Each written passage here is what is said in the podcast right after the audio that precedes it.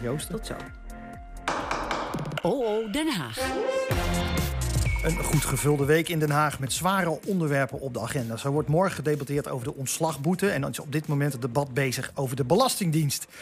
Daarom is het hoog tijd voor onze ja, politieke redacteur Peter K. en hoofdredacteur ook eh, van Jo.nl, Francisco van Jolen, om eens deze week te beschouwen. Ehm, welkom, heren, allebei. Goedemiddag. Uh, laten we eerst even naar het debat gaan wat nu bezig is uh, over de Belastingdienst. Iets waar vooral uh, Kamerleden Renske Leijten van de SP en Pieter Omzicht van het CDA zich enorm mee hebben bezig gehouden. Um, jullie hebben niet eens aantekeningen meegenomen, maar jullie doen het gewoon uit het hoofd. Ja, we weten alles, jongen. Je weet alles. Nou, hoe, is het een hard debat? Ja, het is een pittig debat. Het uh, gaat er echt vlijmscherp aan toe. En dat was natuurlijk ook wel een beetje te verwachten. Met hoofdrolspelers als Omzicht en Leijten. Maar nou, het heeft een, een, een, mooie scherpte. En ook niet alleen van hen tweeën, maar Bart Snels van GroenLinks, Henk Nijboer, Azarkan. Azarkan gaan er stevig in. Vind je het ook een, een scherp debat? Nou, het is eigenlijk wel grappig. Wat er dan in het begin gebeurde was dat je zou denken, Alexander van Huffelen, die staat, uh, nou, niks al niet terecht, maar die ligt onder vuur. Maar dat was helemaal niet zo. We zagen dat, uh, bedoel je? Ja, de staatssecretaris. We zagen dat Henk Nijboer van de PvdA, die nam het woord. En die kwam onmiddellijk onder vuur te liggen. Van Azar Khan, die zei van, die begon met het woord te spreken van... ja, ik wil natuurlijk de PvdA niet overal de schuld van geven. Nou, dan weet je wat er gaat gebeuren als hij dat zegt. Dus vervolgens kreeg hij alles over zich uitgestort. Dat eigenlijk toch die hele affaire wel te danken was aan uh, Lodewijk Asscher. Dat probeerde hij. En alle andere PvdA-bewindslieden uit het kabinet Rutte 2... Uh, Renske Leijten deed dat ook. Uh, wat uh, ja, Henk Nijboer op een gegeven moment in zo'n rare positie bracht. Of in ieder geval die zich nog probeert te verdedigen met... het wordt nu wel al erg politiek gemaakt. Waarvan ik dacht, volgens mij sta je in de Tweede Kamer. Dus op zich niet raar dat dingen politiek gemaakt worden. Ja, nou, ja Omtzigt en, en Leijten zijn echte pitbulls. Die mochten ook aftrappen. Laten we even luisteren naar Leijten. Waarom heeft Donner niet gekeken naar de politieke verantwoordelijkheid? Er is een business case fraude die we ook na lang sleuren eindelijk openbaar hebben gekregen. En daarin stond, we gaan hard optreden. Rukzichtloos optreden. Daarin stond ook het alles of niets verhaal. En weet u wie dit heeft goedgekeurd? Minister-president Rutte. In de ministerraad. Eigenlijk, voorzitter, zou de aangifte moeten worden gedaan naar zijn kabinetten.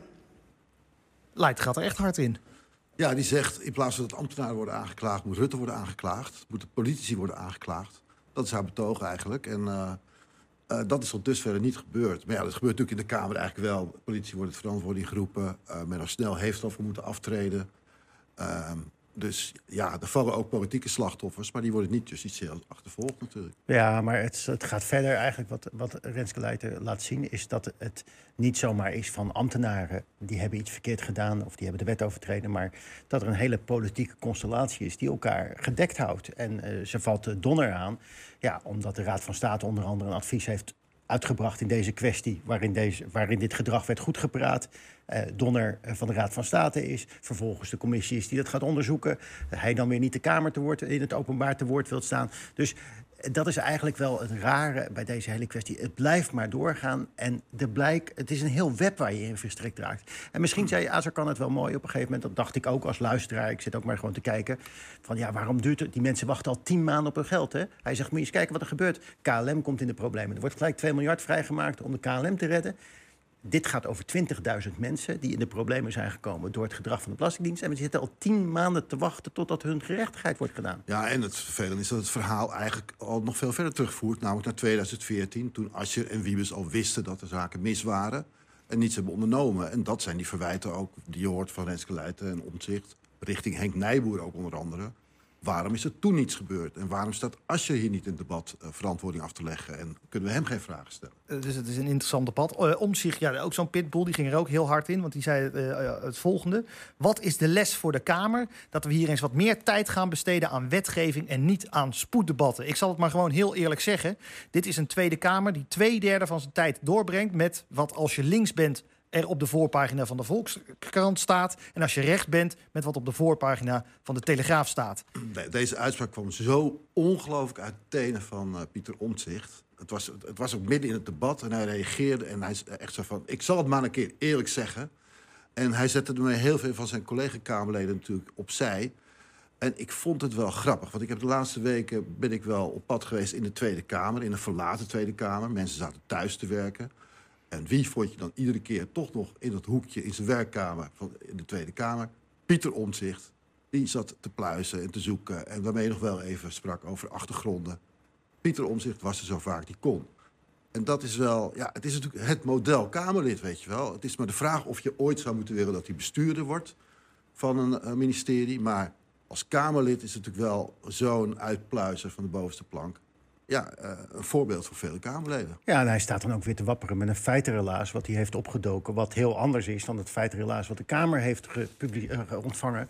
Uh, dus hij maakt zich direct boos. En ik vond het inderdaad ook wel een oprechte verzuchting. Hè, dat je zegt van, ja, we zijn allemaal... Maar dat was wel in de fase van het debat, tenminste, dat, dat, waar ging het over... dat dit is natuurlijk over die ambtenaren die schuldig zijn... of dat uh, Asje schuldig is zo. Maar het, zijn, het gaat allemaal om een wetgeving die is aangenomen door de Kamer. En daarin zei hij dat. Hè. Waarom kan het dat er zulke slechte wetgeving is aangenomen? Nou, omdat we al onze tijd besteden aan spoeddebatten over krantartikeltjes. En niet ons bezighouden met de primaire wetgevende taak. Ik zou daar zelf nog wel even. Je kan er nog wat meer afstand van nemen. Want wat is eigenlijk, vind ik persoonlijk, het ergste wat hier gebeurt. De afgelopen twintig jaar hebben wij hier een debat gehad over migranten. Dat ze zich niet houden aan de, de, de principes die in de grondwet staan. Uh, dat ze zich nooit echt Nederlander kunnen zijn, want ja, dat past niet bij hun cultuur, bla bla bla. Uit dat gif is deze affaire voortgekomen. Hè? Er zit etnisch profileren in, er zit racistisch gedrag in, er wordt gediscrimineerd. En wat zie je nu? Dat de mensen die verweten werd dat ze zich niet aan de grondwet zouden houden of die, niet zouden respecteren, dat die gepakt worden door een overheid die de grondwet aan zijn laars lapt. Dit is echt, erger kan je het niet voorstellen. En weet je wat het is? Dit had je allemaal kunnen voorspellen. Dit kon je allemaal voorspellen dat dit zou gaan gebeuren. Dit soort dingen, niet die belastingaffaire, maar dit soort gedrag. En iedereen die daarvoor waarschuwde, werd weggezet als politiek correct. Je moest niet zeuren, want het ging om hard optreden. Want regels zijn regels. En ze moesten maar eens voelen. Dat is, wat er, dat is het resultaat. Ja, dit is voor je politiek duider Karel aan de slag. Die gewoon met grote halen een mooi doek vol plemt. Kijk, het begon met de Bulgaren kwestie, volgens mij. Dat was een, een, zaak die heel veel stof deed opwaaien. Waarbij uh, Bulgaren misbruik maakten van onze voorzieningen. Van onze toeslagen. Uh, we hebben in Nederland een toeslagencircus... Uh, wat, wat van alles van houtje, houtje touwtje aan elkaar hangt... En waarvan iedereen nu zegt van daar moeten we misschien een beetje vanaf. Maar het begon met een specifieke kwestie. Waar heel specifiek, nee, heel erg algemeen op is gereageerd. Met veel te grote slagen en veel te veel uh, generaliseren van mensen. Op één hoop gooien. En daar zit echt de fout. Uh, ik vind het een prachtige schilderij, maar het is wel impressief. Je kan nog een, stukje, je kan nog een stukje teruggaan, want ja. die toeslagenaffaire... dat is natuurlijk waar het werkelijk in zit. Het is een absurd idee, en dit is wel politiek, hè? Het is een absurd idee dat jij voor iets moet betalen... en vervolgens weer geld terugkrijgt van de overheid. Weet je waarom dat is? Waarom het CDA dat bedacht heeft? Want jij moet als burger je beseffen hoeveel geld de overheid wel niet uitgeeft. Jij moet beseffen dat het allemaal duur is waar jij gebruik van maakt... en daarom moet je het eerst zelf betalen en kan je het daarna terugkrijgen. Het is een idioot Daar moet je vanaf. Weet je wat er moet gebeuren? Heel simpel. Kinderopvang in Nederland zou gratis moeten zijn. Omdat de hele maatschappij geniet van het feit dat er kinderen zijn. Nou ja, vind je dat nou echt? Kinderopvang ja, voor mensen met een wat hoger salaris? Maakt niet uit. Net de AOW dan? moet voor iedereen gratis zijn. Nou, er wordt hier dus ook uh, fel gedebatteerd. Daar hou ik enorm van. Uh, maar goed, nog even terug naar de Kamerleden. Want die zijn ook boos over het gisteren toch naar buiten gekomen nieuws... dat zo'n 8000 ouders nou alle waarschijnlijk toch niet gecompenseerd gaan worden. En om die brief, die belastingbrief aan te kondigen... zet de staatssecretaris Van Huffelen een filmpje online. Beste ouders, ik zou het liefst willen dat alle problemen tussen u en de Belastingdienst... in één keer opgelost zijn. Maar in de praktijk, zo merk ik in de laatste maanden dat ik nu staatssecretaris ben, is dat natuurlijk anders. Ik kan me goed voorstellen dat het voor u lijkt alsof er soms bijna niets gebeurt. Maar dat is niet zo. We werken hard om ervoor te zorgen dat de fouten die we in het verleden hebben gemaakt hersteld worden. En deze week krijgen veel ouders daarom een brief. Uit de gesprekken die ik met sommigen van u gevoerd heb, begrijp ik dat alleen al het krijgen van zo'n brief veel impact kan hebben. Daarom ook dit filmpje ja, ze legt dan verder uit wat er in die brief staat. En dat de ouders dus waarschijnlijk niet gecompenseerd gaan worden. Is dit nou wederom een klap in het gezicht Pieter, van die ouders? Pieter Omzicht wist wel raad mee in de Kamer. Oh ja? Ja, die zei ja, een brief, een brief en een filmpje. Bel die mensen op, voorzichtig die, weet je wel. Ja, het laatste waar die mensen op zitten te wachten is een brief van de Belastingdienst. Ja. Die hebben ze wel genoeg gehad. Precies. Ja, de instantie die het minst vertrouwen stuurt ze weer een brief. Ja, en we zagen het ook vaak bij Menno Snel. Die maakte ook altijd filmpjes. Is dit, is dit een nieuwe manier van communiceren? Nou, het is uh, image building. het is laten zien dat je ergens mee bezig bent. Voor wie is dat filmpje eigenlijk bedoeld? Voor die mensen, die kan je toch beter iets anders geven. Die kan je beter een normaal gesprek geven. Die kan je beter normale behandeling zorgen. Elke tijd die je steekt in het maken van het filmpje is verloren... omdat er ondertussen al tien maanden verloren is gegaan... zonder dat die mensen gecompenseerd wordt. Ik denk dat niet dat die mensen zitten te wachten op sympathieke, empathische filmpjes... die ertoe bijdragen dat jouw imago verbeterd wordt. Maar die Van Huffelen die zit er nu een tijdje... en die, die, die, die raakt een beetje verstrekt in dat web. Komt ze eruit? Nou, onze huisastroloog. Ik, ik, zat vandaag het debat te kijken. En het was gewoon al een besmette positie natuurlijk. Weet je wel, niemand wilde echt daar aan de slag. En dat was, er werd meest smijlend over, grappig gemaakt. Wie zou dat moeten doen? In de onderhandelingen had uh, D66 nog gezegd van... Nou, het CDA, jullie mogen wel één van die twee posten hebben. Maak de, neem jullie die staatssecretaris, dat staatssecretariaat maar op je... en laat Pieter Omzicht het vooral doen. Nou, zo werd er tegen aangekeken. Als je dit debat ziet en de hoeveelheid vragen ziet die er gesteld worden... Uh, over opheldering over van alles. En wanneer gaat u nou betalen? Ze heeft al gezegd, we gaan pas in 2021 geld uitkeren. Weet je, het, het is zo'n verschrikkelijk dossier. En ik vrees dat er ook nog weer allerlei andere dingen loskomen bij die Belastingdienst. Want Pieter Omzicht heeft me al toegefluisterd... ja, maar ik weet nog wel een paar onderwerpen die nog gaan spelen. Ja, ik weet het niet. Het, is, het kabinet moet nog een jaartje. Ik denk dat, dat ze het net gaat redden, die finish. Maar hoe gaat dit debat dan eindigen? Nou, dat eindigt niet. Nee, ik denk over twee weken gaan we weer verder.